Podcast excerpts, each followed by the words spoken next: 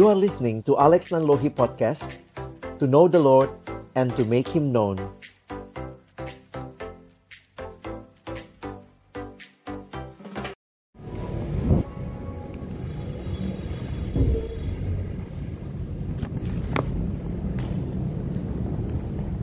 Mari kita berdoa. Bapa di dalam surga kami bersyukur untuk cinta kasih-Mu, anugerah-Mu yang nyata bagi hidup kami. Kembali sore hari ini Tuhan beri kesempatan kami mahasiswa Kristen di Jakarta Selatan bersama-sama memuji memuliakan namamu. Tiba waktunya bagi kami untuk membuka firman-Mu ya Tuhan. Karena itu kami mohon waktu kami membuka firman-Mu, bukalah juga hati kami Jadikanlah hati kami seperti tanah yang baik supaya ketika benih firman Tuhan ditaburkan boleh sungguh-sungguh berakar, bertumbuh dan juga berbuah nyata di dalam hidup kami. Berkatilah hambamu yang menyampaikan firman setiap kami yang mendengarnya. Kami berdoa Tuhan tolonglah kami semua. Agar kami bukan hanya menjadi pendengar-pendengar firman yang setia. Tapi mampukan kami dengan kuasa dari rohmu yang kudus kami dimampukan menjadi pelaku-pelaku firman-Mu di dalam hidup kami, di dalam masa muda kami. Bersabdalah ya Tuhan, kami umat-Mu sedia mendengarnya. Dalam satu nama yang kudus, nama yang berkuasa, nama Tuhan kami Yesus Kristus, Sang Firman yang hidup. Kami menyerahkan pemberitaan firman-Mu. Amin. Silakan duduk. Shalom. Selamat sore teman-teman sekalian. Hari ini kita akan melanjutkan membahas di dalam kisah Rasul pasal yang ke-17 ya. Kita akan melihat kisah Rasul pasal yang ke-17. Saya mengajak kita sama-sama akan melihat bagian ini. Kita akan membagi dua ya. Saya ajak kita membaca yang pertama ayat 1 sampai dengan ayatnya yang ke-15. Itu bagian pertama yang akan kita baca. Nanti ayatnya yang berikutnya kita baca dalam bagian yang kedua. Nah, saya ingin mengajak kita melihat bagaimana Paulus melayani dan bagaimana strategi yang dia pakai di dalam pelayanannya yang juga akan bisa kita refleksikan secara khusus ketika teman-temanku kalian melayani teman-temanmu di kampusmu masing-masing. Jadi kita bisa melihat apa yang menjadi uh, teladan Paulus dan ini juga yang nanti kita akan masuk melihat menjadi bagian kita. Mari kita akan melihat di dalam kisah Rasul 17 saya baca ayat 1, teman-teman baca ayat 2, kita bergantian sampai dengan ayatnya yang ke-15. Paulus dan Silas mengambil jalan melalui Amphipolis dan Apolonia dan tiba di Tesalonika. Di situ ada sebuah rumah ibadat orang Yahudi.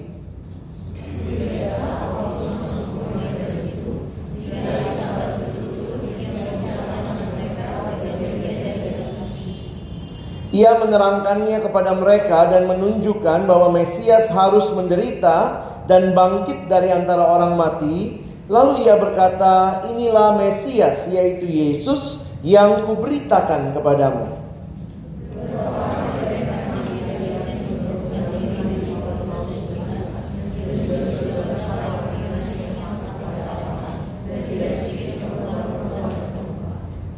Tetapi orang-orang Yahudi menjadi iri hati dan dengan dibantu oleh beberapa penjahat dari antara petualang-petualang di pasar, mereka mengadakan keributan dan mengacau kota itu. Mereka menyerbu rumah Yason dengan maksud untuk menghadapkan Paulus dan Silas kepada sidang rakyat.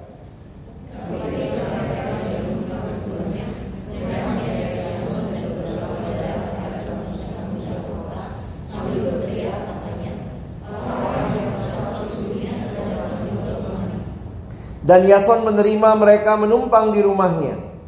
Mereka semua bertindak melawan ketetapan-ketetapan kaisar dengan mengatakan bahwa ada seorang raja lain yaitu Yesus.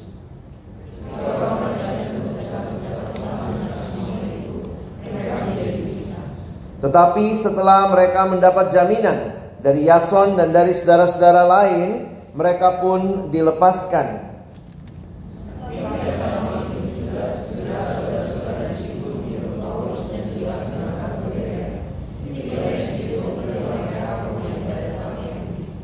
Orang-orang Yahudi di kota itu lebih baik hatinya daripada orang-orang Yahudi di Tesalonika. Karena mereka menerima firman itu dengan segala kerelaan hati dan setiap hari mereka menyelidiki kitab suci untuk mengetahui apakah semuanya itu benar demikian.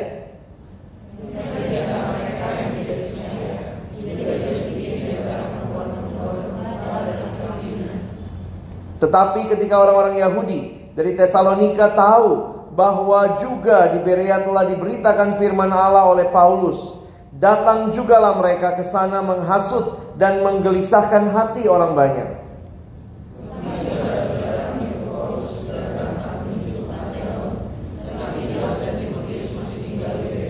Orang-orang yang mengiringi Paulus menemaninya sampai di Athena, lalu kembali dengan pesan kepada Silas dan Timotius supaya mereka selekas mungkin datang kepadanya. Saya ingin mengajak kita untuk coba lihat empat hal dulu ya. Coba teman-teman perhatikan empat hal dari dua cerita ini. Ada yang bisa kalian bandingkan. Pertama kalian lihat tempat Paulus melayani.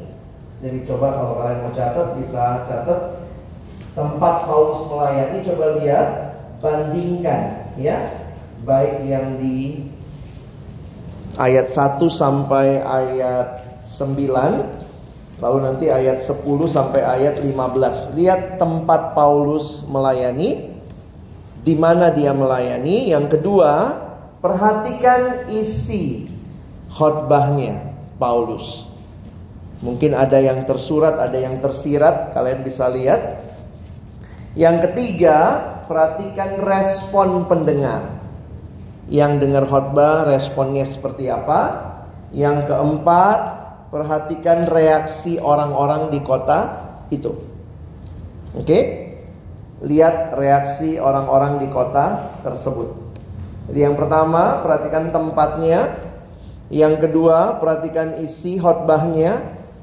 Yang ketiga, respon dari orang-orang yang mendengar khotbah dan yang keempat reaksi dari orang-orang di kota tersebut. Nah, ada pola yang berulang yang bisa kalian temukan baik dalam ayat 1 sampai ayat yang ke-9 dan ayat 10 sampai 15. Oke? Coba kalian berdua-berdua ngobrolin dulu empat hal ini. Coba lihat sama-sama, cari teman yang dekat, bisa berdua, bisa bertiga. Coba pikir sebentar apa yang bisa kita lihat dari bagian ini.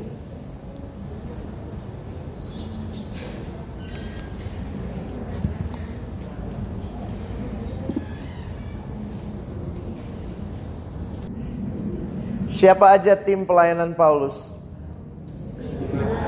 Hmm? Paulus, Silas dan Timotius. Ya? Ada Timotius? Ada. Ini perjalanan misi Paulus yang keberapa? Paulus dalam kitab kisah Rasul melakukan berapa kali perjalanan misi? Tiga kali. Ini perjalanan yang masih ingat loh, apa jangan lupa loh, ini masih di bagian tengah kitab kisah para rasul. Jadi nggak mungkin yang ketiga. Logika aja ya dipakai ya. Berarti ini yang ke ini yang kedua. Apa kota tempat Paulus mulai melayani? Dia mulai melayani di kota apa? Paulus itu asalnya dari mana? Sorry, dia mulai diutus oleh gereja apa? Kalau rajin datang PMKJ udah bahas ini beberapa bulan yang lalu. Antioquia. Ingat pelayanan misi Paulus selalu dimulai di Antioquia, putar-putar putar-putar kembali lagi ke Antioquia karena jemaat Antioquia lah yang mengutus. Coba lihat kisah Rasul 13.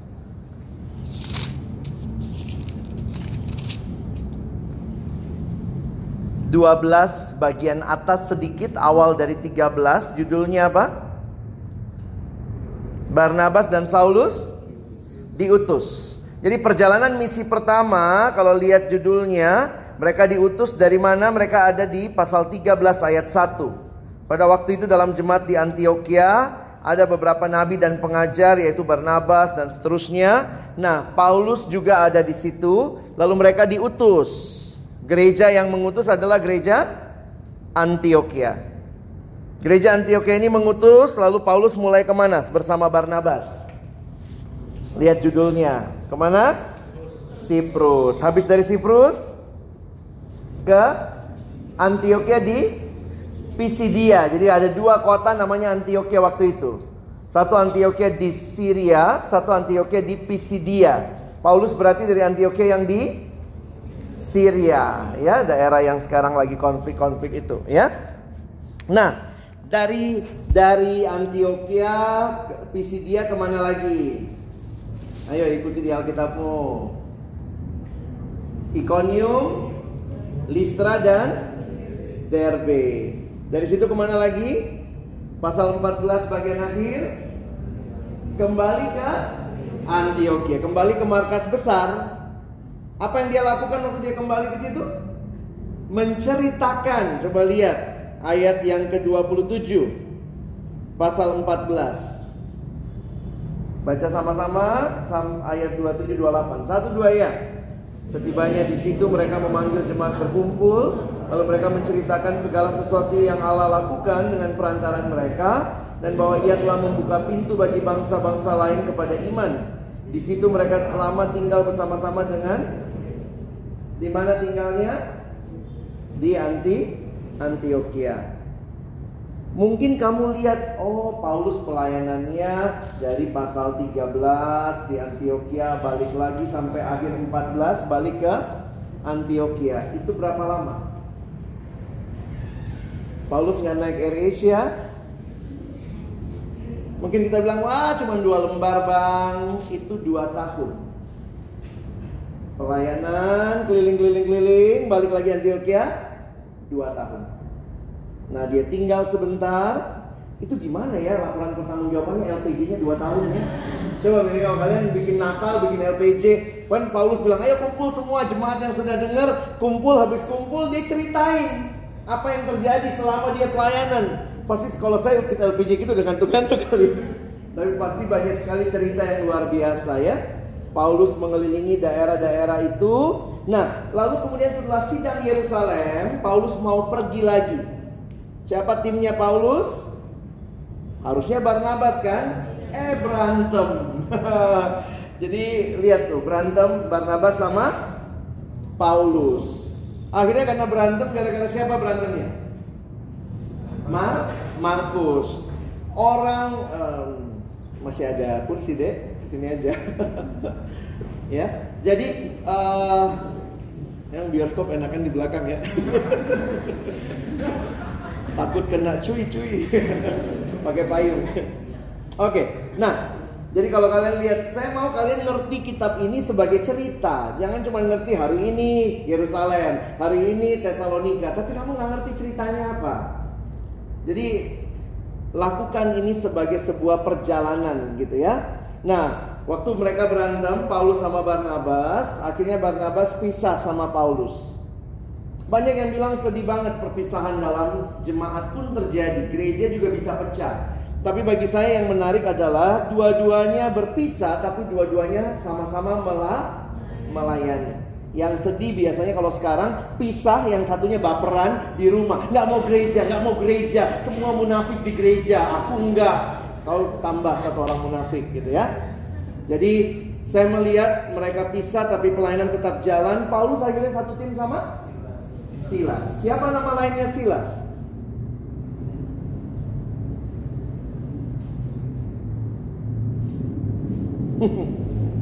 Gak ketemu di situ ya. Cari sampai mati juga nggak dapet ya. Kota-kota apa yang dikunjungi Paulus dalam pelayanannya yang kedua? Karena waktu itu dia tiba, kalau coba lihat ya, dari situ dikatakan di ayat yang ke-41 pasal 15. Berangkatlah ia mengelilingi Syria dan Kilikia. Ya, sementara Barnabas ke mana? ayat 39. Berlayar ke Siprus. Masih ingat pertama kali mereka pelayanan ke mana? Siprus juga kan? Ingat nggak? Perjalanan pertama ya. Kenapa ke Siprus? Barnabas orang Siprus. Tahu dari mana? Kisah Rasul 4. Ada di depan coba lihat. Ayat 38. Ayat 36 ya. Yuk. Kita lihat kita baca satu dua ya. Demikian pula dengan Yusuf yang oleh rasul-rasul disebut Barnabas, artinya anak penghiburan, seorang Lewi dari Siprus. Ia menjual ladang miliknya lalu membawa uangnya dan meletak uangnya itu dan meletakkannya di depan kaki rasul-rasul. Jadi siapa namanya Barnabas? Yusuf Barnabas itu julukannya seorang anak penghiburan. Bar berarti uh, anak atau anak uh, bapak yang mungkin punya anak penghiburan. Jadi kalau kalian mengerti bahwa Barnabas itu dari Siprus, makanya unik juga tuh perjalanan misinya waktu itu Paulus kalau kalian lihat pergantian kepemimpinan terjadi itu. Awalnya selalu disebut nama siapa duluan? Kisah Rasul 13, Barnabas dan Paulus. Barnabas dan Paulus. Nanti pelan-pelan berganti. Paulus dan Barnabas. Jadi nampaknya lebih menonjol Paulus akhirnya.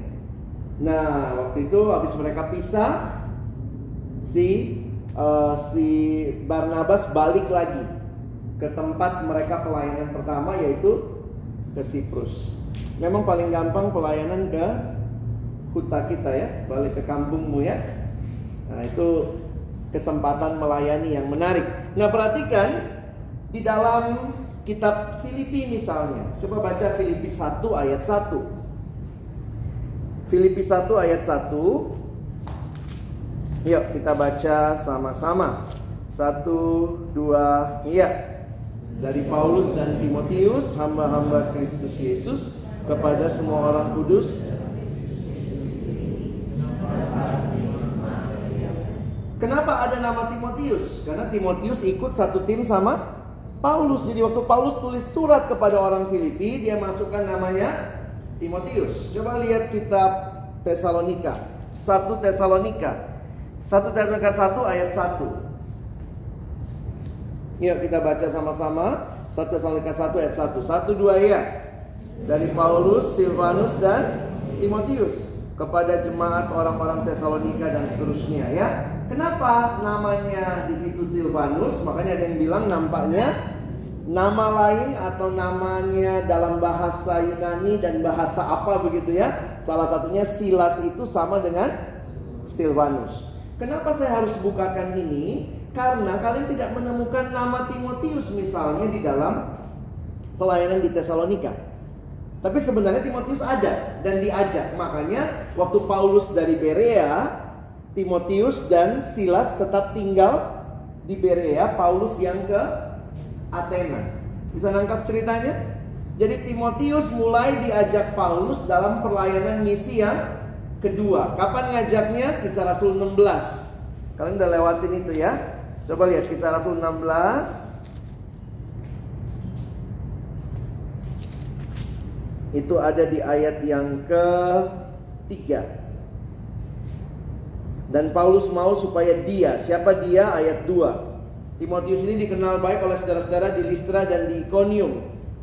Jadi banyak yang bilang kayaknya latar belakang daerahnya Timotius adalah dia orang kemungkinan Listra karena disebut duluan Listra ya. Lalu dikatakan dan Paulus mau supaya dia menyertai dalam perjalanan, Paulus menyuruh menyunatkan dia karena orang-orang Yahudi di daerah itu sebab semua orang setiap orang tahu bahwa bapaknya adalah orang Yunani. Jadi mamanya Timotius yang orang Yahudi. Siapa nama mamanya?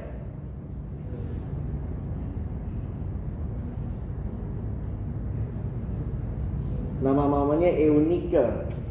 Nanti baca di 2 Timotius. Siapa nama neneknya? Lois. Ya. Di apal-apal tuh kalau mau cari nama anak ya.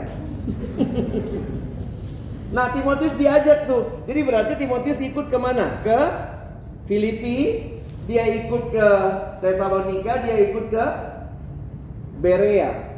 Nah itu cara kita nafsir Alkitab ya. Jadi saya harap kalian nangkep inti ceritanya. Nah sekarang Paulus dari kota apa sebelumnya? Kota Filipi. Boleh tolong petanya?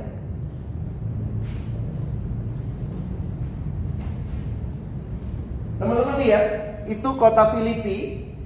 Dari Filipi dikatakan dia mengambil jalan melalui Apolonia dan Amphipolis.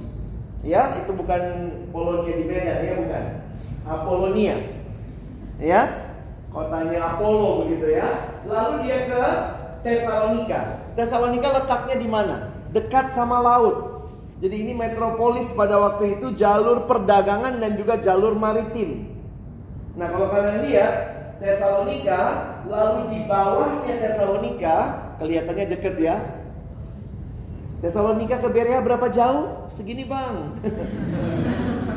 itu 60 mil south west. South west itu apa ya terjemahnya? Tenggara ya?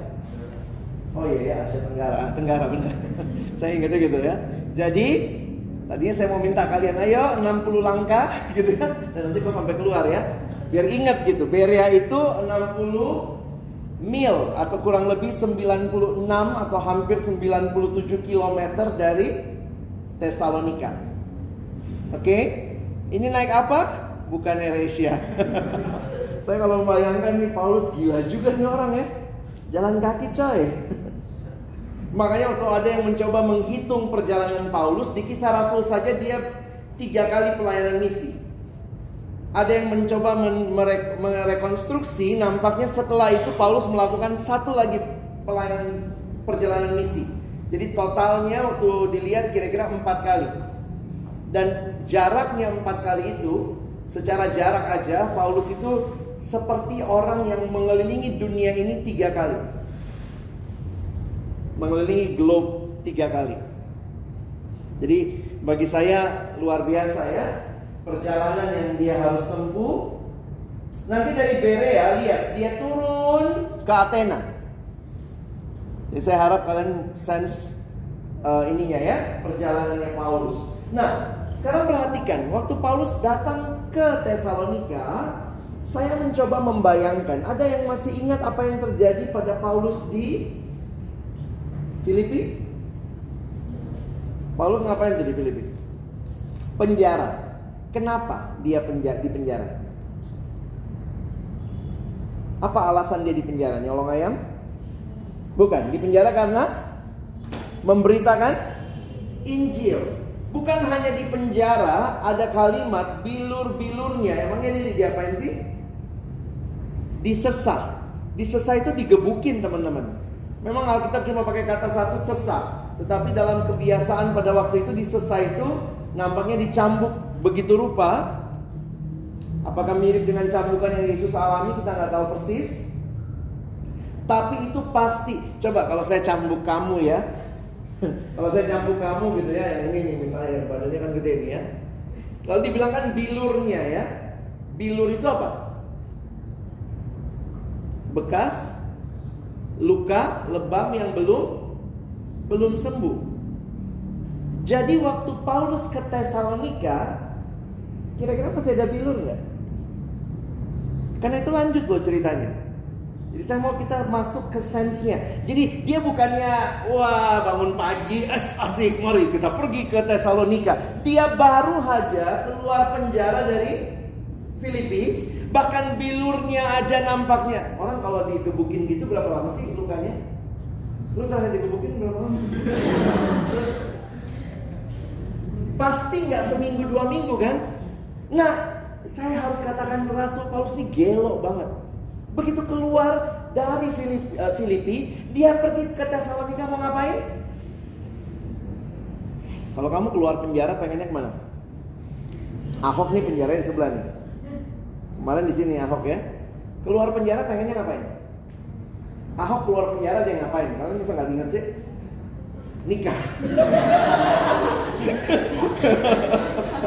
uh, entertainment. Ahok tuh keluar penjara ibadah syukur. Iya ya. Oke, saya dapat fotonya gitu ada satu pendeta pimpin ibadah syukur. Maunya orang kalau keluar penjara ngapain? Pengennya sih pulang, istirahat, apalagi ada lukanya. Jadi kalau saya mencoba membayangkan, mungkin kalau kita baca pasal 17 ayat 1, coba lihat Alkitabmu. Paulus dan Silas, kalau saya pakai bahasa saya ya, Paulus dan Silas yang masih lebam-lebam, yang baru keluar penjara, mengambil jalan melalui Amphipolis dan Apolonia dan tiba di Tesalonika. Ngapain? Jalan-jalan? Beritakan Injil. Apa dia nggak inget baru aja masuk penjara gara-gara beritakan Injil? Ini gila bener. Lanjut lagi, masih lebam-lebam, pergi ke kota, ngapain? Beritakan Injil. Orang yang dipimpin visi Allah tidak akan berhenti hanya karena kondisi fisik ataupun kondisi sekitar yang tidak mendukung. Saya pikir kalau Paulus bisa aware gitu ya, gile habis di penjara gara-gara berita Injil. Mbok ya stop dulu pemberitaan Injil, libur dulu ya. Tiga bulan. Nanti kalau sudah asik, badan udah enak, baru lanjut. Enggak. Dia terus memberitakan Injil. Dan ini jadi hal yang menarik kalau teman-teman perhatikan lebih jauh ya. Di situ ada sebuah rumah ibadat orang Yahudi. Paulus ke mana? Tempatnya apa? Yang dia kunjungi. Rumah ibadat orang Yahudi. Kenapa Paulus ke rumah ibadat orang Yahudi? Di Berea dia ke mana? Lihat di Berea dia ke mana? Waktu tiba ke rumah ibadat orang Yahudi. Ngapain ke rumah ibadat orang Yahudi?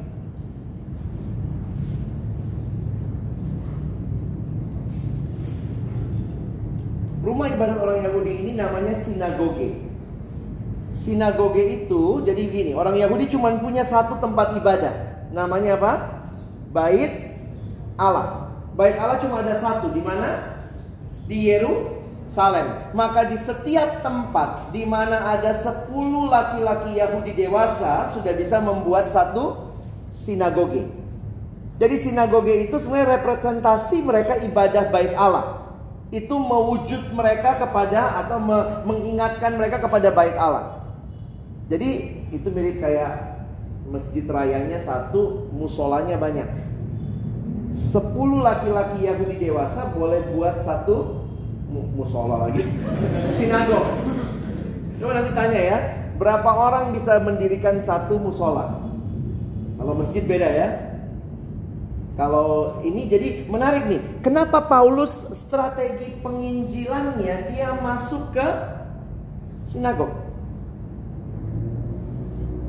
Pernah bayangkan nggak? Begitu Paulus datang ke satu kota, maka dia mulainya di mana? Sinagog. Kenapa?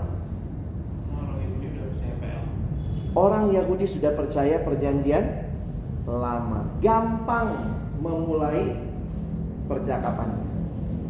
Jadi Paulus tuh tidak selamanya langsung keluar. Perhatikan di semua strategi pelayanan Paulus dia akan pergi ke sinagog dulu. Kalau ditolak di sinagog baru main di pasar. Jadi itu kayak strateginya Paulus dan kita lihat mulai dari kisah Rasul 16 juga gitu nggak? Coba lihat ayat 19.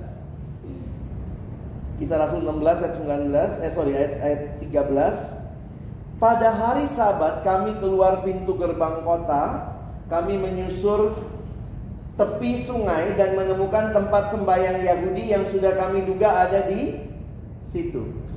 Jadi ternyata biasanya orang Yahudi itu senangnya tempat ibadahnya dekat air. Karena memang ada salah satu upacara ritual mereka penyucian mirip kayak kita baptis. Itu butuh air. Jadi mereka akan selalu di dekat air. Nah, Paulus itu waktu datang dia tahu ke mana. Nah, saya juga jadi mengerti ya. Kalau misalnya teman-teman mau merintis perintisan kampus, mulainya dari mana? Kira-kira kampusmu dirintis dari mana? Ada yang dapat nggak ceritanya? Dulu kampusmu dari mana dirintisnya? Kalau Tuhan Yesus langsung datang, bikin kebaktian. Buat kita yang sudah terbiasa dengan persekutuan yang sudah membesar, kadang-kadang kita nggak tahu strategi merintis. How? Mulai dari mana? Ketika saya awal-awal melayani, masih banyak kampus belum dirintis, saya ikut salah satu staff senior, lalu kemudian saya bingung gitu ya. Dia bilang, ayo Lex kita ke kampus itu. Saya nanya, udah ada persekutuan kak? Enggak, belum ada. Terus ngapain kita ke sana? Yuk kita rintis. Hah? Rintisnya gimana? Udah ikut gitu ya. Saya bawain payungnya gitu ya. Ke mana duduknya? Kalau mau rintis kampus, pergi ke mana di kampus itu? Kami mainnya ke mana? Kantin. Kami mainnya ke kantin. Ngapain? Lihat siapa yang doanya sebelum makan nunduk, berarti Kristen. Paling tidak bisa salah sih. Siapa tahu dia juga Buddha gitu ya, gitu, gitu ya. Tapi biasanya kan kalau orang Kristen doanya nunduk waktu makan. Nah, begitu Kak nunduk Kak, nunduk. Eh, deketin. Halo, apa kabar? Gereja mana? Ajak mereka. Banyak nggak yang Kristen di sini? Ada sih teman kampusku, teman kelasku ada satu lagi. Yuk kumpulin yuk, bikin kelompok kecil. Nggak ada tuh perintisan langsung dimulai dengan acara besar, undang pembicara. No. Kalian sudah terbiasa dengan acara besar, kalian tidak tahu bagaimana awalnya perintisan. Kita sambil ngelihat mahasiswa di kantin aduh Tuhan yang mana yang doanya nunduk gitu ya. Pertanyaan saya begini. Apakah PMK hanya buat orang Kristen? Hanya ulang lagi ya. Apakah PMK hadir hanya untuk orang Kristen itu pertanyaannya sama dengan begini apakah Paulus cuma mau melayani orang Yahudi tidak. Kalau begitu Paulus mau melayani semua orang. Orang Yahudi yang ada di sinagoge sebagai strategi awalnya. Teman-teman ingat baik-baik. PMK tidak hadir untuk orang Kristen saja. Meskipun dengan alasan dan berbagai kondisi kita harus pakai istilah PMK Persekutuan Mahasiswa Kristen PO Persekutuan Oikumene. Tapi sering kali saya takut kita membatasi seolah-olah PO itu hanya untuk orang Kristen. Tidak. Hati Tuhan untuk semua orang kalaupun yang kita jangkau Kristen itu strategi supaya Kristen yang dijangkau lewat PO mereka hadir dalam dunia memberitakan Injil jadi saya harap kita jangan berhenti merasa sudah hadir, tapi sebenarnya kita belum menghayati lebih dalam yang Tuhan mau. Tuhan mau orang mendengar Injil. Kalaupun akhirnya dimulai dari orang Yahudi, itu strategi dan kerinduannya akhirnya melalui orang-orang itu mereka kembali kemudian memberitakan Injil. Demikian juga dengan pelayanan mahasiswa, pelayanan siswa. Kita bukan hadir secara eksklusif. Yesus nggak pernah datang dari surga pakai papan besar. Maaf untuk kalangan sendiri. Itu kita yang buat papannya. Jadi karena itu saya sangat berharap PMK, Persekutuan Siswa, serius memikirkan penginjilan kepada mereka yang belum percaya. Serius memperlengkapi dirimu untuk bisa bicara dengan mereka. Paulus mulai di sinagog. Enak ya, PI di sinagoge cuma ngasih tahu kan, semua PL-mu, anggaplah ini kita PL ya. Semua PL-nya, PL ini penggenapannya Yesus. Lihat nggak beritanya Tesalonika?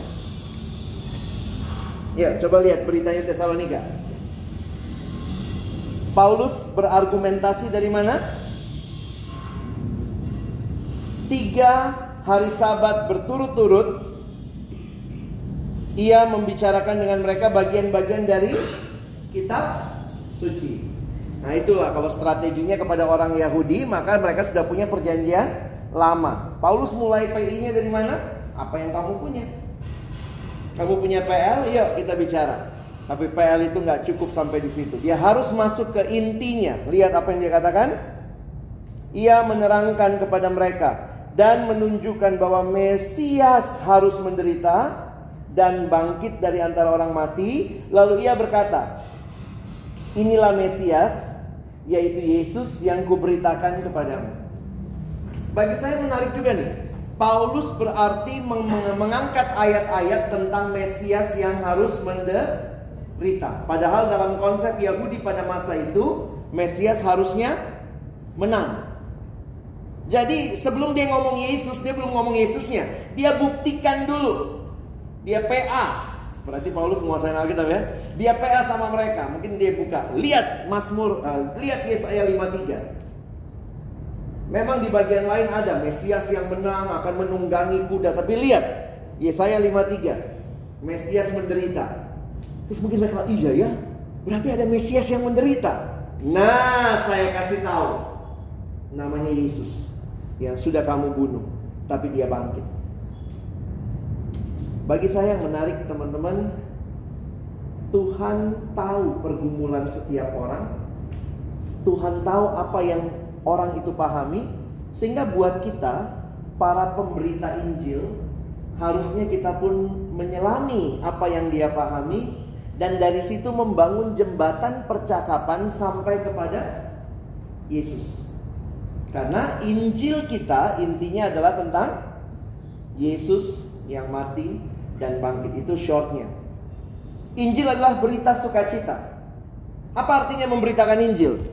Kalau Injil adalah berita sukacita, saya kasih tahu, ih ada berita sukacita loh, ih ada berita sukacita, ih sukacita banget loh, uh luar biasa sukacitanya, ih bagus banget beritanya, luar biasa sukacita banget.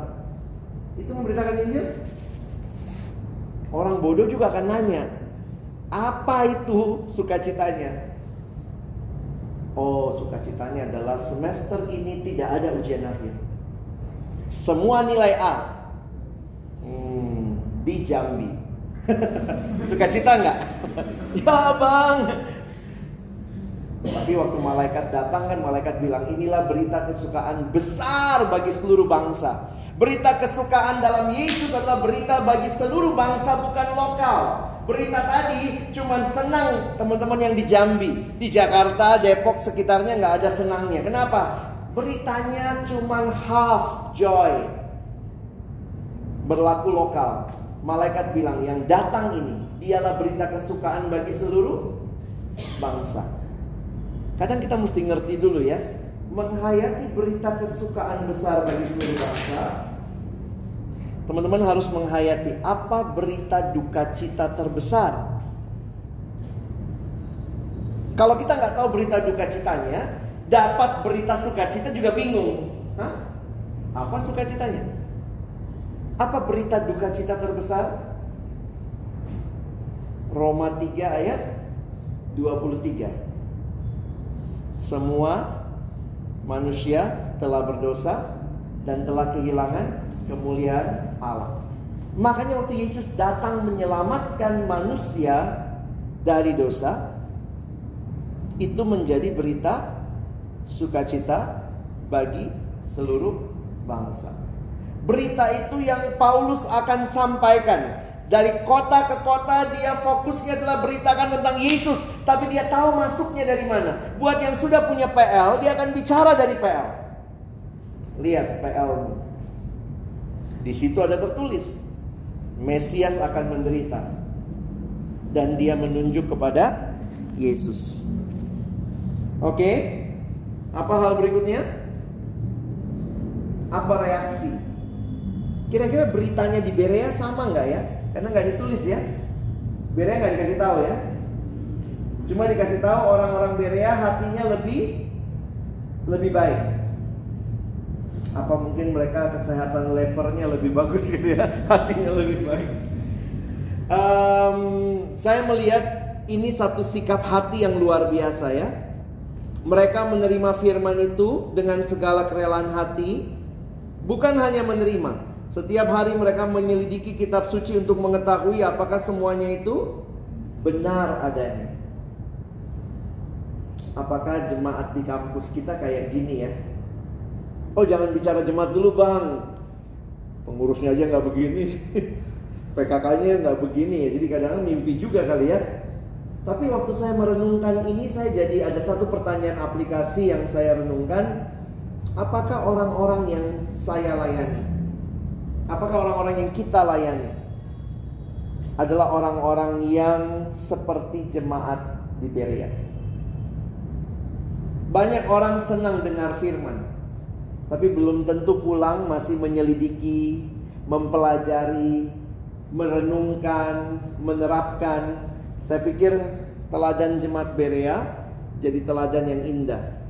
Apa yang disampaikan saya yakin banget pasti sama juga dengan apa yang disampaikan kepada jemaat di Tesalonika. Kenapa? Karena Paulus juga mengunjungi mereka di sinagoge.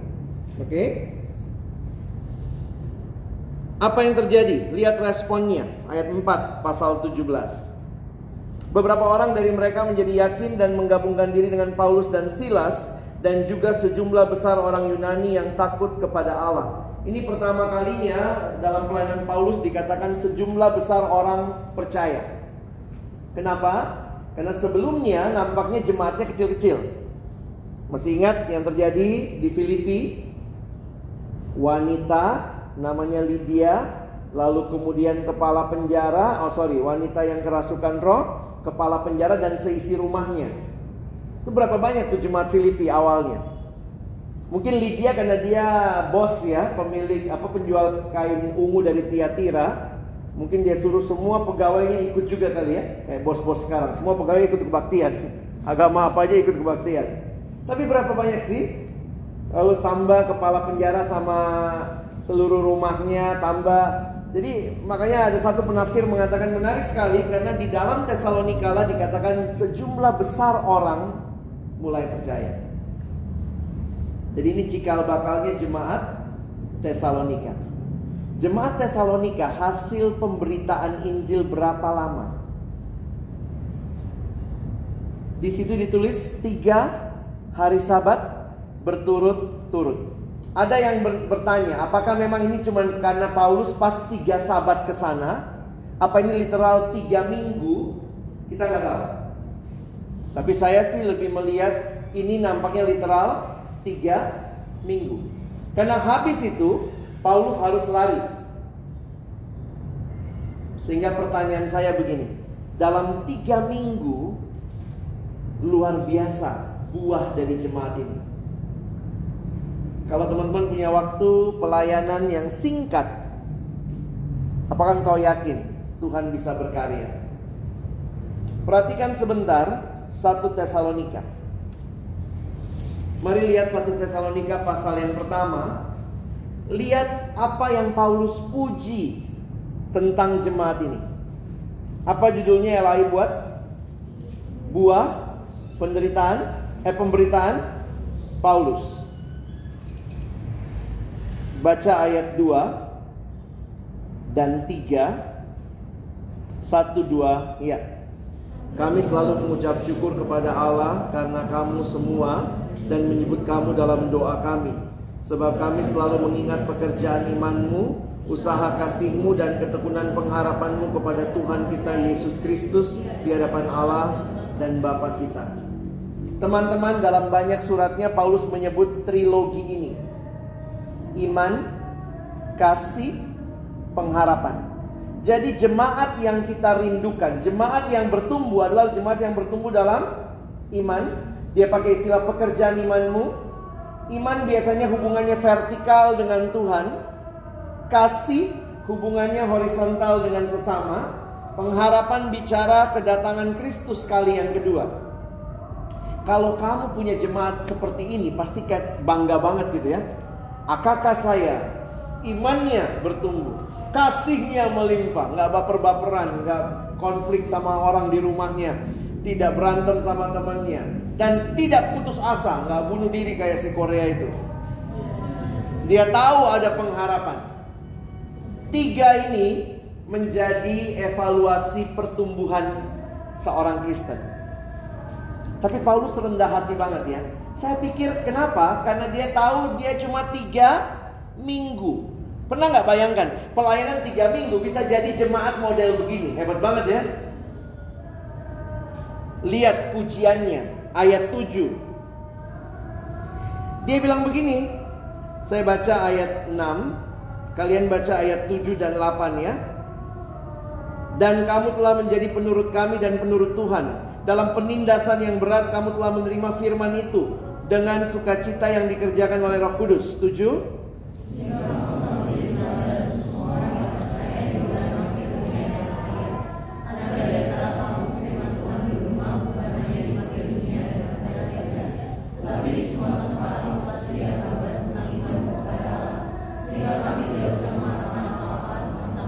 Hebat banget nih jemaat ya.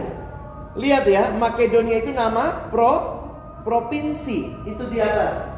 Yang ditulis huruf besar semua. Jadi kalau kalian lihat provinsi Makedonia, kotanya Filipi, Tesalonika. Ada provinsi lagi di bawah namanya Akhaya. Kota yang terkenal Athena. Nanti ada Korintus. Teman-teman waktu saya pelajari ini, saya pikir hebat banget ya. Gimana kalau jemaat kamu bukan hanya bergema, imanmu bukan hanya bergema di wilayah Makedonia dan Akhaya, tapi sampai seluruh dunia.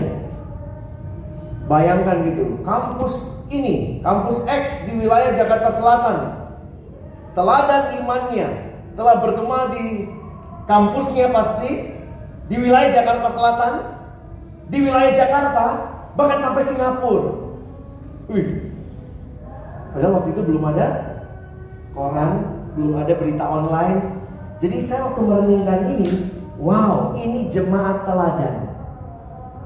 Dilayani cuma tiga minggu. Dalam penderitaan yang berat. Di mana kunci keberhasilannya? Saya pikir di sinilah kerendahan hatinya Paulus. Kuncinya ada di ayat 5. 1 Tesalonika 1 ayat 5. Coba teman-teman lihat sebentar ya. Yuk kita baca satu, dua, ya.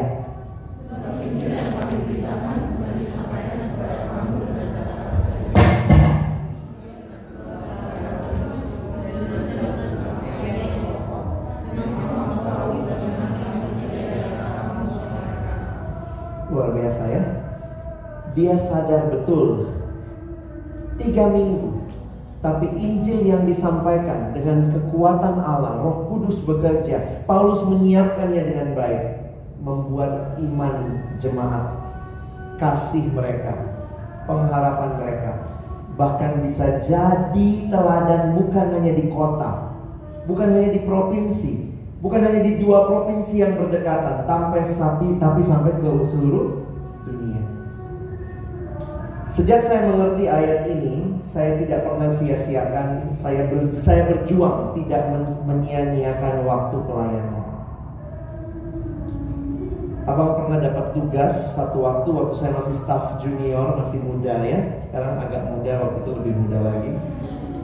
Sekarang imut, waktu itu lebih imut lagi.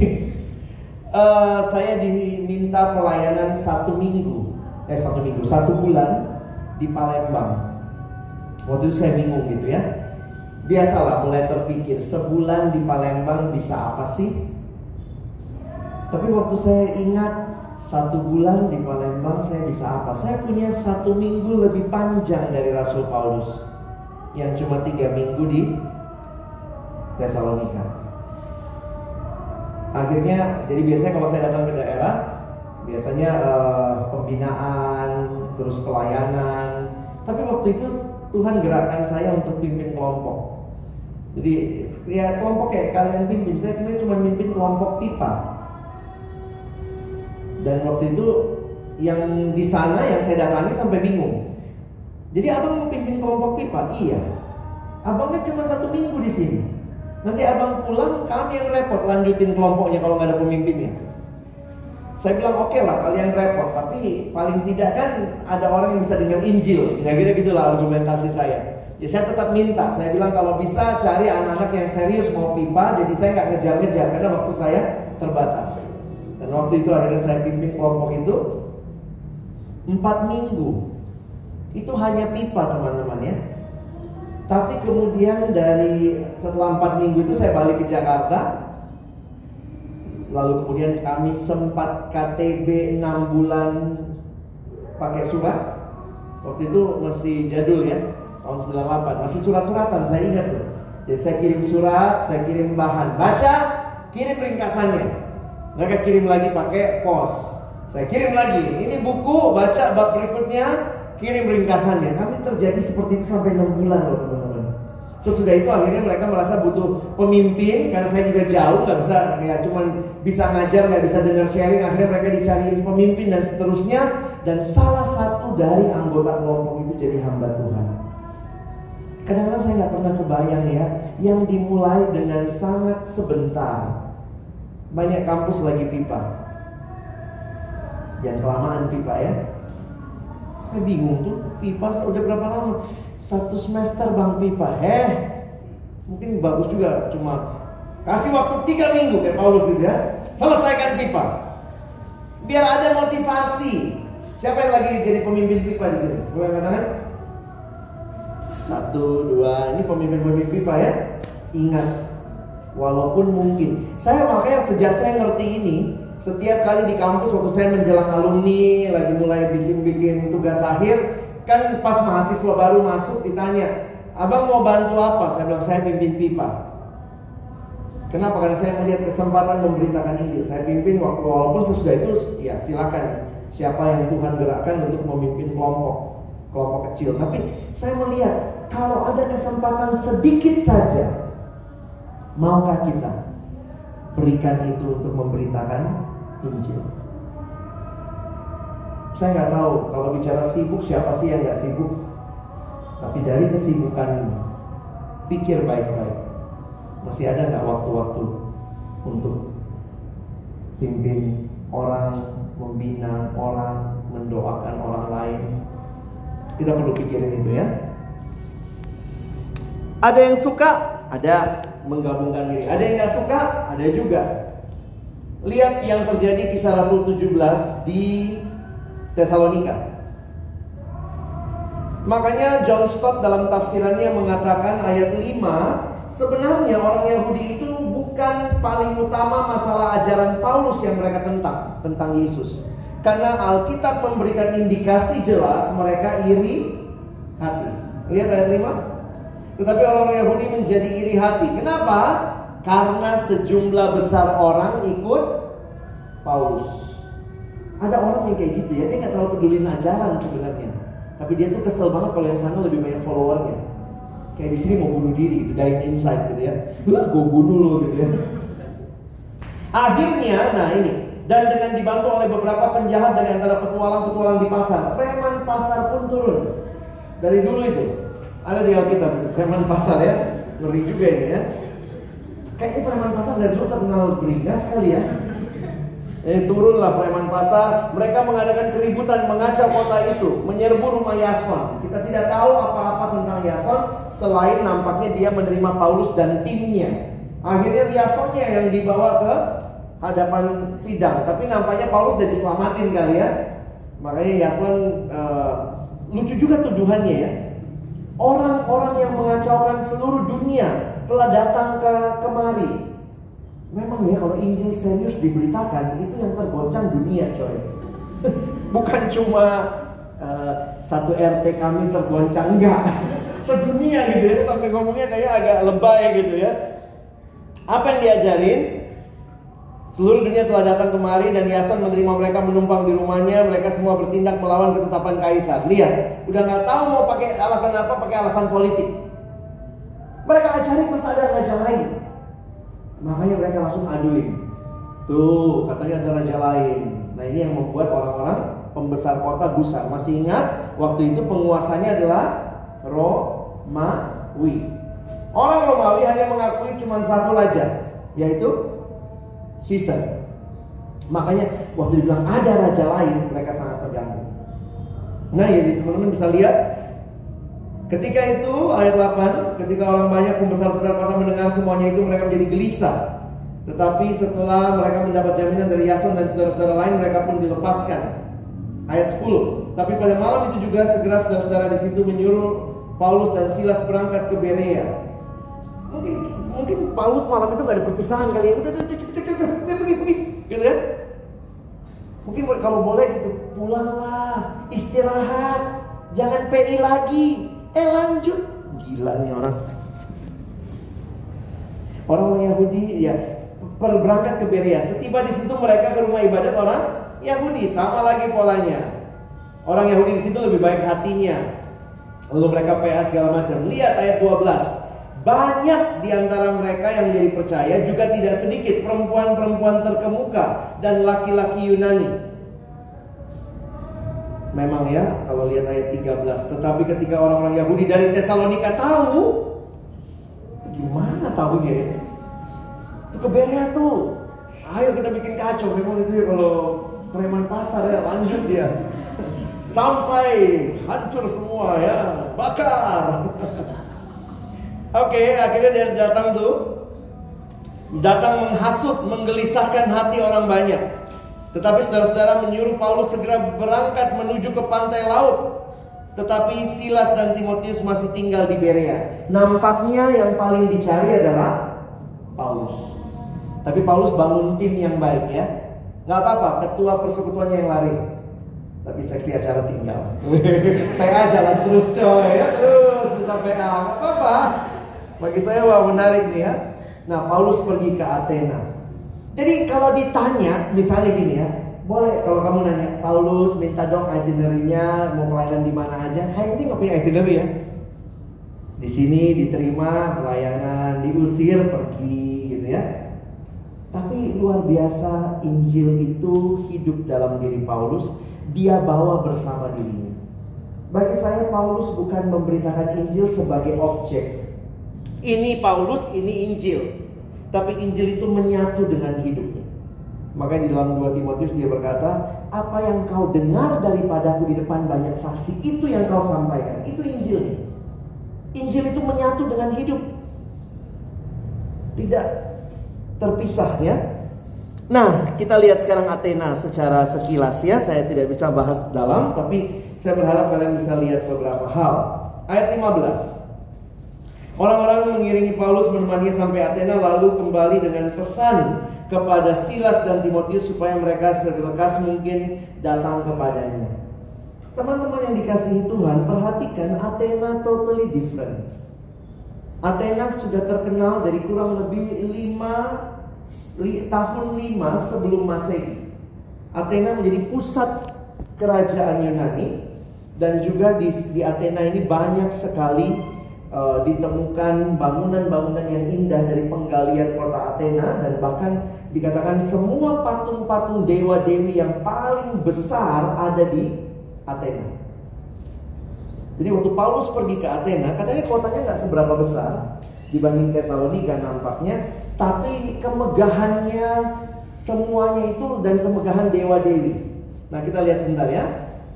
Sementara Paulus menantikan mereka di Athena. Nah sekali lagi ya Paulus ke Athena pun tidak kunjungan ikut tur enggak ya. Dia nggak lagi nggak jalan-jalan, tapi pasti dia juga jalan-jalan.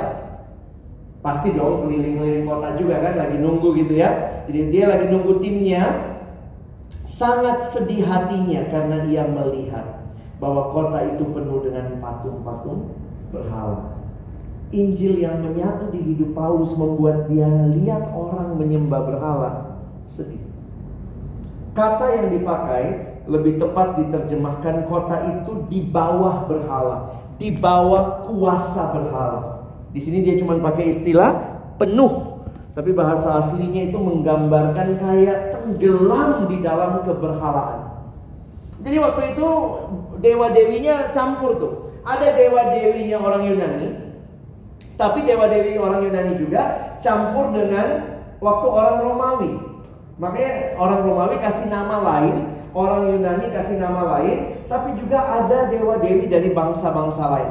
Jadi bayangkan ini kota yang penuh dengan dewa-dewi. Seorang penafsir Alkitab mengatakan bahwa pada waktu itu mungkin lebih gampang ketemu dewa-dewi berhala daripada orang di Athena.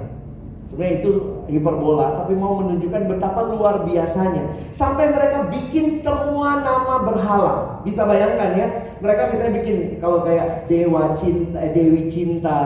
Jadi bayangkan tuh, cinta pun dibikin dewinya. Dewi, uh, dewa waktu, Jadi nanti ada dewa bangku, dewa meja, semua kan itu mereka menghayati itu adalah dewa. Nah, lihat ya. Ayat yang ke-11. Karena itu, di rumah ibadat, balik lagi. Paulus ke mana? Rumah ibadat, itu selalu base camp pertama. Tapi kali ini agak sedikit beda. Karena itu di rumah ibadat ia bertukar pikiran dengan orang-orang Yahudi. Dan orang-orang yang takut akan Allah. Kata yang digunakan bertukar pikiran, bahasa aslinya dialogomai, adalah berdi, berdialog. Jadi sebenarnya eh, Paulus juga ini ya punya kesempatan dengar apa yang disampaikan orang lain begitu dia tidak cuma satu arah. Nah perhatikan lagi ayat berikutnya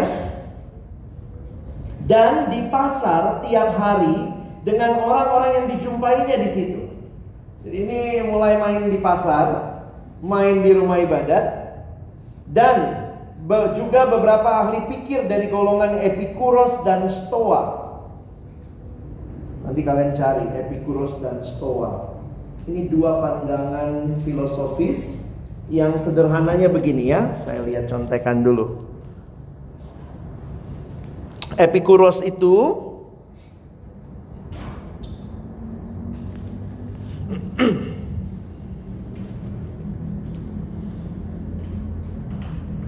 Epikuros satu sistem pemikiran yang menyatakan tidak ada hubungan antara manusia dan ilahi. No connection between human and divine. Jadi mereka ber, ber, percaya this belief was expressed in a desire to seek contentment and satisfaction. Jadi mereka senangnya hura-hura, tidak boleh menderita.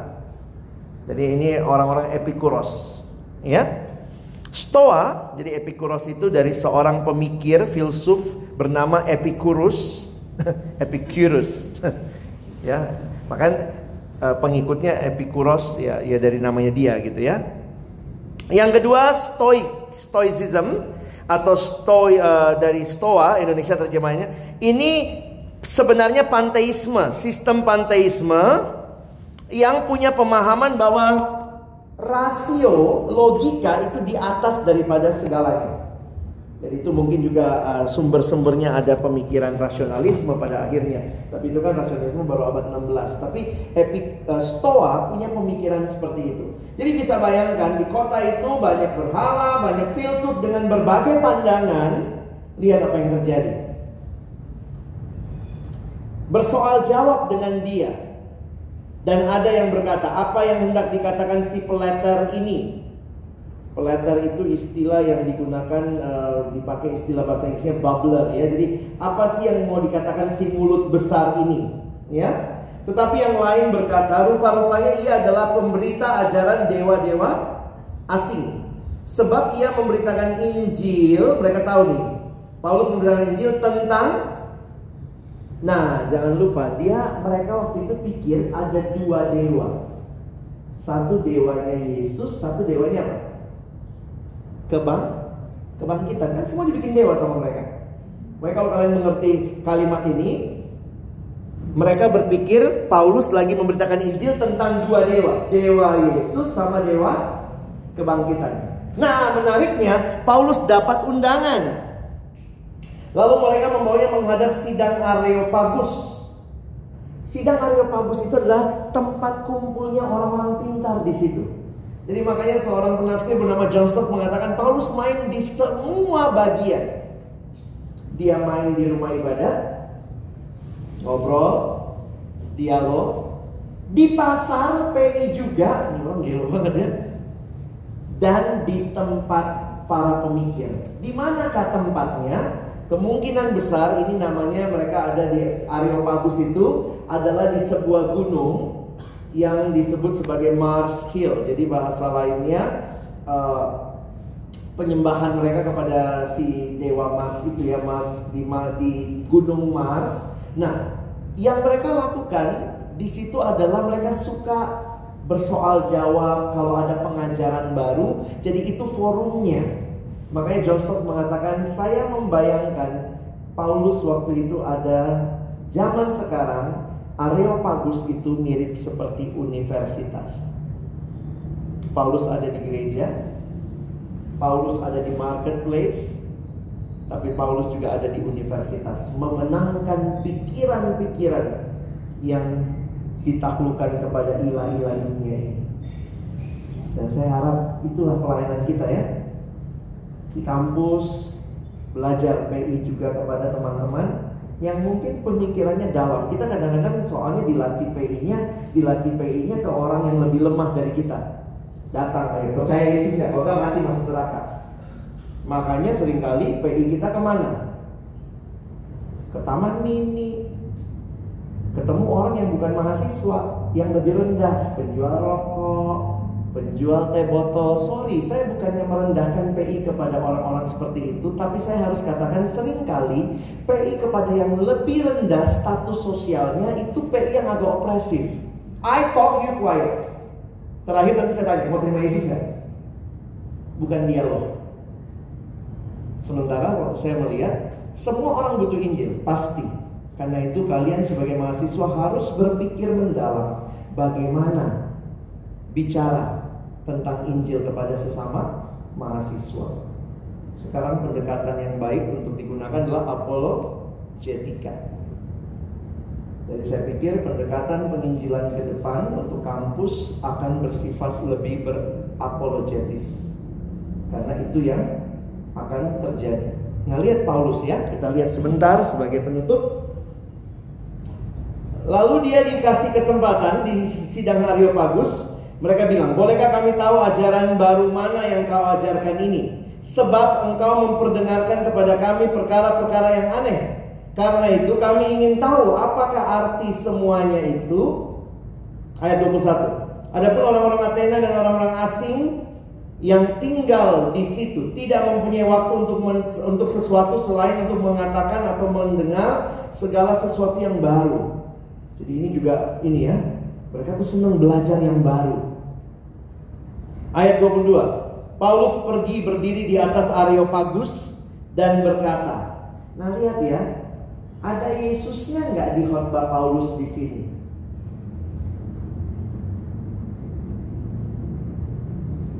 Agak lama dia ngomong, nanti Yesusnya di bagian bagian akhir tuh. Ayat 31. Baru tiba-tiba dia ngomong membangkitkan dia dari antara orang mati. Loh, kalau begitu isi khotbah Paulus apa? Paulus mulai dari apa yang mereka pahami. Ingat ya, kotanya penuh dengan berhala. Berarti mereka banyak Tuhan kan? Banyak Tuhan yang disembah. Sehingga kalau kita bicara penginjilan kepada orang yang sudah punya Tuhan, apa yang harus kita lakukan? Mungkin kita harus bicara mengafirmasi Tuhannya dia. Hebat lo ya. Gila banget ya. Lo sholat terus gitu jadi jangan oh masuk neraka lo tunduk-tunduk itu neraka lo mungkin kita harus mulai memuji apa yang menjadi religiusitas orang gue punya teman gak kayak lu ya lu hebat banget ya setiap tet sholat tet sholat jadi dari titik-titik seperti itu kita bisa masuk nah Paulus mulainya begitu ya coba lihat khotbahnya ya ini khotbah atau pembelaan ya. Ayat 22. Hai orang-orang Athena. Mungkin kalau mereka di sana waktu itu. Hai kan Paulus Hai orang-orang Athena. Hai. Sorry ya. Biar kalian nggak tegang banget ya. Aku lihat, nah ya Paulus bilang, aku lihat bahwa dalam segala hal kamu sangat beribadah kepada dewa-dewa. Hebat kalian ya. Gimana buktinya? Sebab ketika aku berjalan-jalan di kotamu dan melihat-lihat barang-barang pujaanmu, aku menjumpai juga sebuah mesbah dengan tulisan kepada Allah yang tidak dikenal. Jadi saking takutnya mereka, ada Allah yang tidak mereka buatin patungnya, misalnya ada uh, dewa kursi, dewa meja, dewa HP.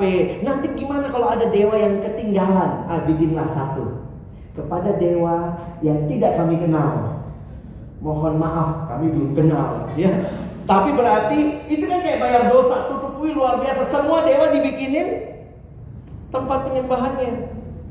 Nah, Paulus dari situ dia masuk. Nah, dewa yang tidak kamu kenal ini, itu yang sedang saya beritakan. Berarti Paulus mau bilang apa?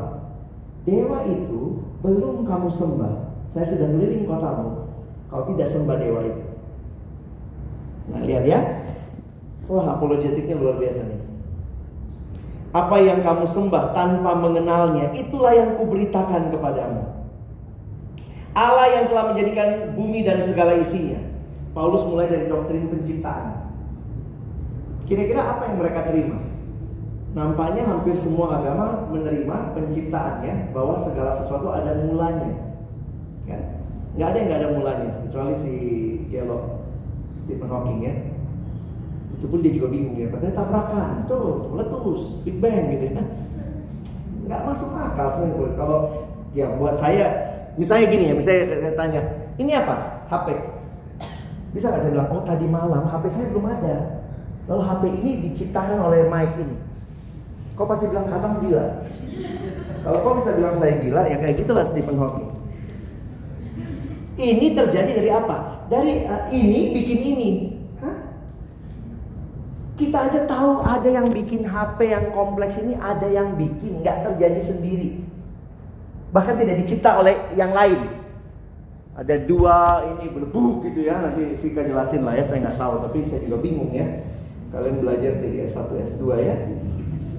Oke, Allah pencipta, Allah yang telah menjadikan bumi dan segala isinya, Ia adalah Tuhan atas langit dan bumi, tidak diam dalam kuil-kuil buatan tangan manusia. Dan juga tidak dilayani oleh tangan manusia seolah-olah ia kekurangan apa-apa. Karena dialah yang akan yang memberikan hidup dan nafas dan segala sesuatu kepada semua orang. Dari satu orang saja, ia telah menjadikan semua bangsa dan umat manusia untuk mendiami seluruh muka bumi. Dan ia telah menentukan musim-musim bagi mereka dan batas-batas kediaman mereka. Supaya mereka mencari dia. Dan mudah-mudahan menjamah dan menemukan dia. Walaupun ia tidak jauh dari kita masing-masing. Sebab di dalam dia kita hidup, kita bergerak, kita ada. Seperti yang telah juga dikatakan oleh pujangga-pujanggamu. Berarti Paulus pelajari novel-novel waktu itu ya. Paulus rajin baca novel. Dia kutip novelnya ya. Ini salah satunya. Sebab kita ini dari keturunan Allah juga. Jadi ternyata ada karya pujangga mereka waktu itu yang mengatakan kita ini keturunannya Allah. Kalau kita keturunannya Allah, berarti kita kayak siapa? Kayak Allah. Lihat ya logika berpikirnya. Kalau kita turunannya Allah, berarti kita harusnya mencerminkan Allah. Kalau saya hidup, Allahnya harus apa? Harus hidup dong. Makanya lihat argumentasi Paulus. Lihat ya. Karena kita berasal dari keturunan Allah, kita tidak boleh berpikir bahwa keadaan ilahi sama seperti emas atau perak atau batu, ciptaan kesenian dan keahli keahlian manusia. Dengan tidak memandang lagi zaman kebodohan, maka sekarang Allah memberitakan kepada manusia bahwa di mana-mana semua mereka harus bertobat. Jadi kayak Paulus bilang, kalau kita ini buatannya Allah, masa kita disejajarkan uh, sama masa Allahnya dari patung, dari dewa, dari emas?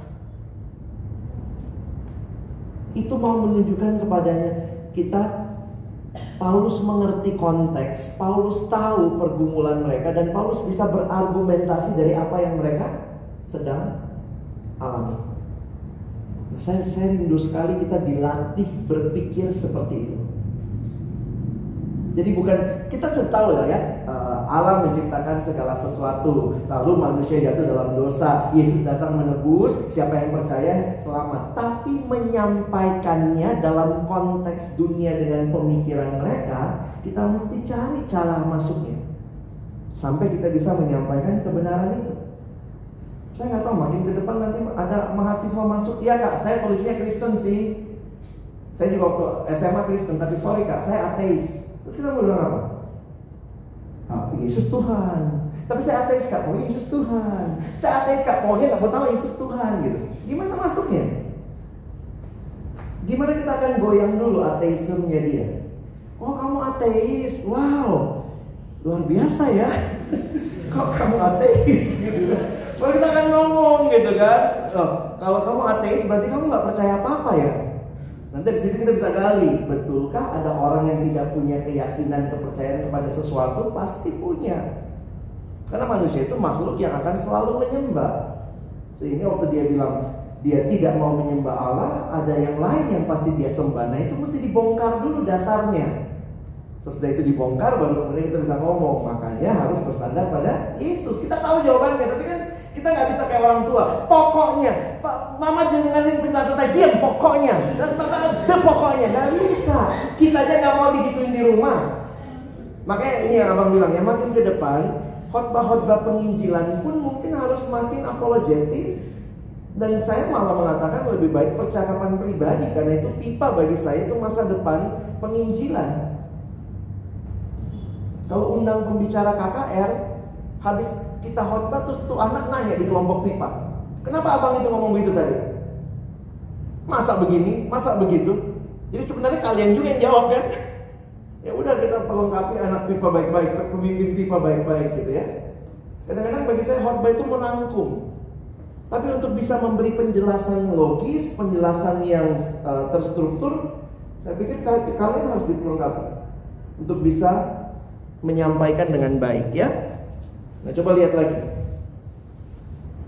Akhirnya ayat 21 31 karena ia telah menetapkan suatu hari pada waktu mana ia dengan adil akan menghakimi dunia oleh seorang yang telah ditentukannya sesudah ia memberikan kepada semua orang suatu bukti tentang hal itu dengan membangkitkan dia dari antara orang mati. Paulus pakai logika berpikir dari penciptaan karena orang kalau terima penciptaan harus juga terima ada yang minta pertanggung jawaban. Makanya sebenarnya orang ateis itu mau lepas dari tanggung jawab. Karena kalau dia bilang ada Allah, maka kamu harus tanggung jawab sama Allah itu. Dan Paulus bilang apa? Allah yang Allah telah memilih yang akan menjadi hakim yaitu Yesus dan buktinya dia telah membangkitkan dia. Nah, pas sampai di titik itu ada yang nanya, apakah Paulus nggak ngomong Yesus sama sekali? Kalau kalian baca khotbah ini dari atas mulai ayat 22 sampai ayat 31 itu itu cuma kurang lebih 2 menit. Apa Paulus menyampaikan 2 menit? Makanya ada yang bilang nampaknya ini outline khotbahnya.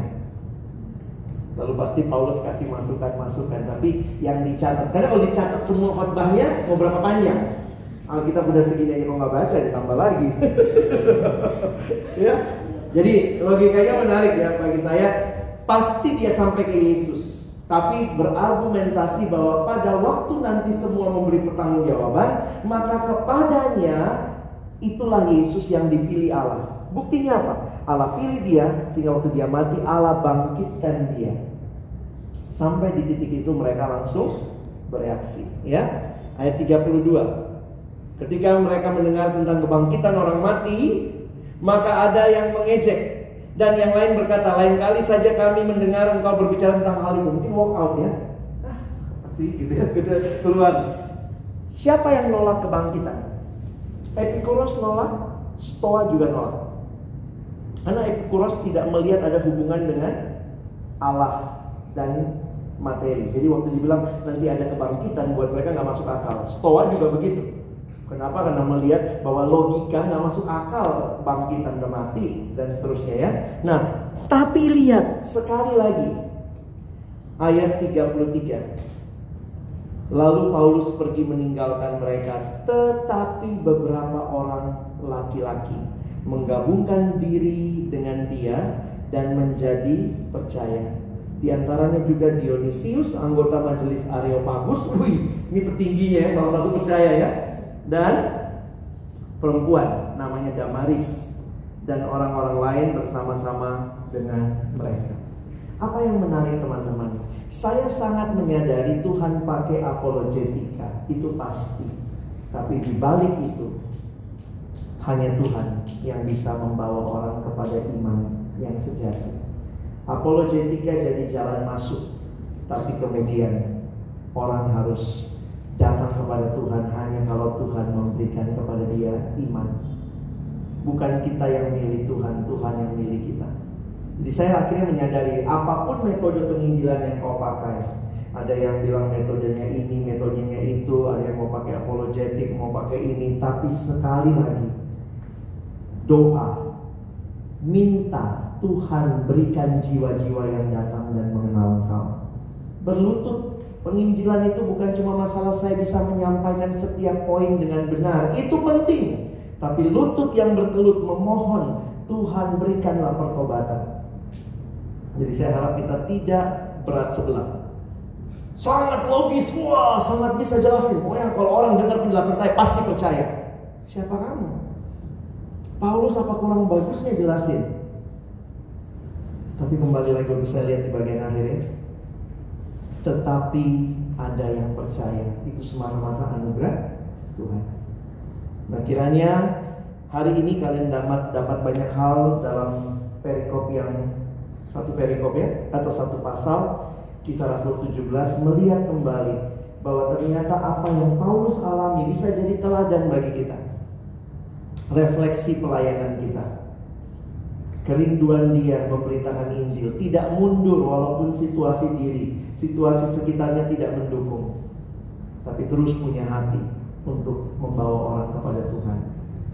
Kampus lagi pada pipanya, Ingat ya, tiga hari sabat, selesaikan pipamu secepatnya supaya bisa di follow up gitu ya. Pipa mulu, pipa mulu.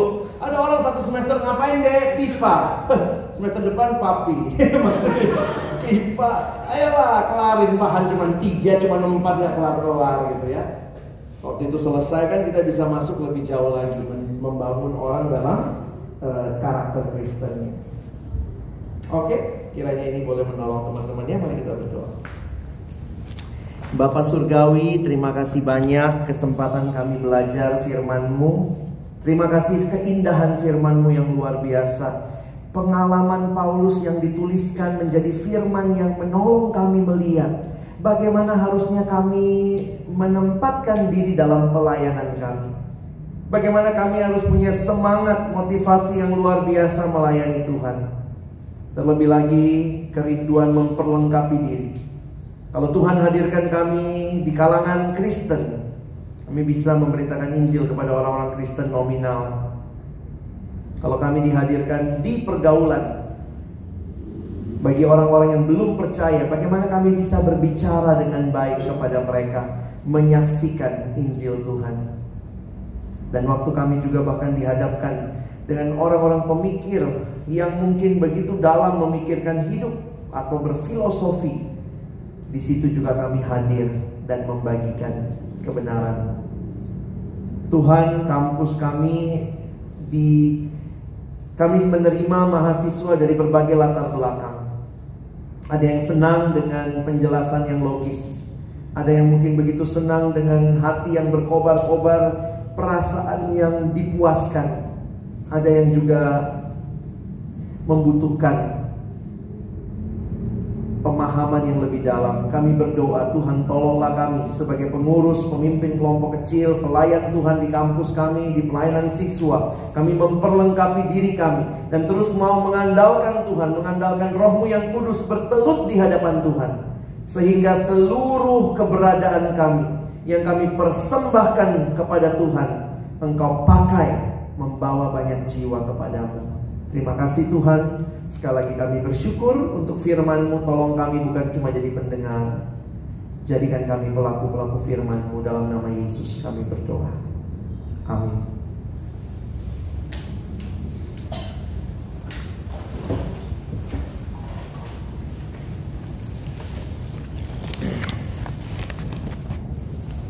Kita akan memberikan persembahan